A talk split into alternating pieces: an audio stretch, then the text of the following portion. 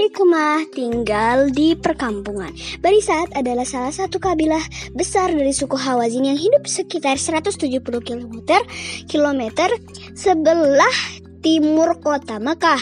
Dijadikan lahan pertanian karena gersang.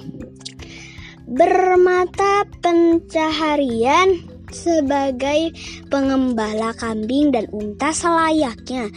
Wilayah pegunungan perkampungan Bani Sa'ad memiliki udara yang bersih, sejuk, dan segar. Hingga saat ini perkampungan Bani Sa'ad merupakan perkampungan Baduy yang tidak banyak dihuni orang.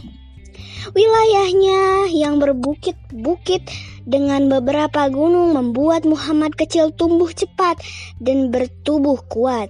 Pertumbuhannya melebihi anak-anak.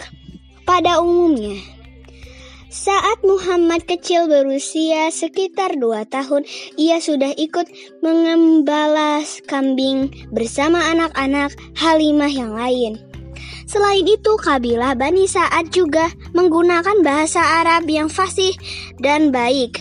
Hal itu memengaruhi perkembangan bahasa Muhammad kecil.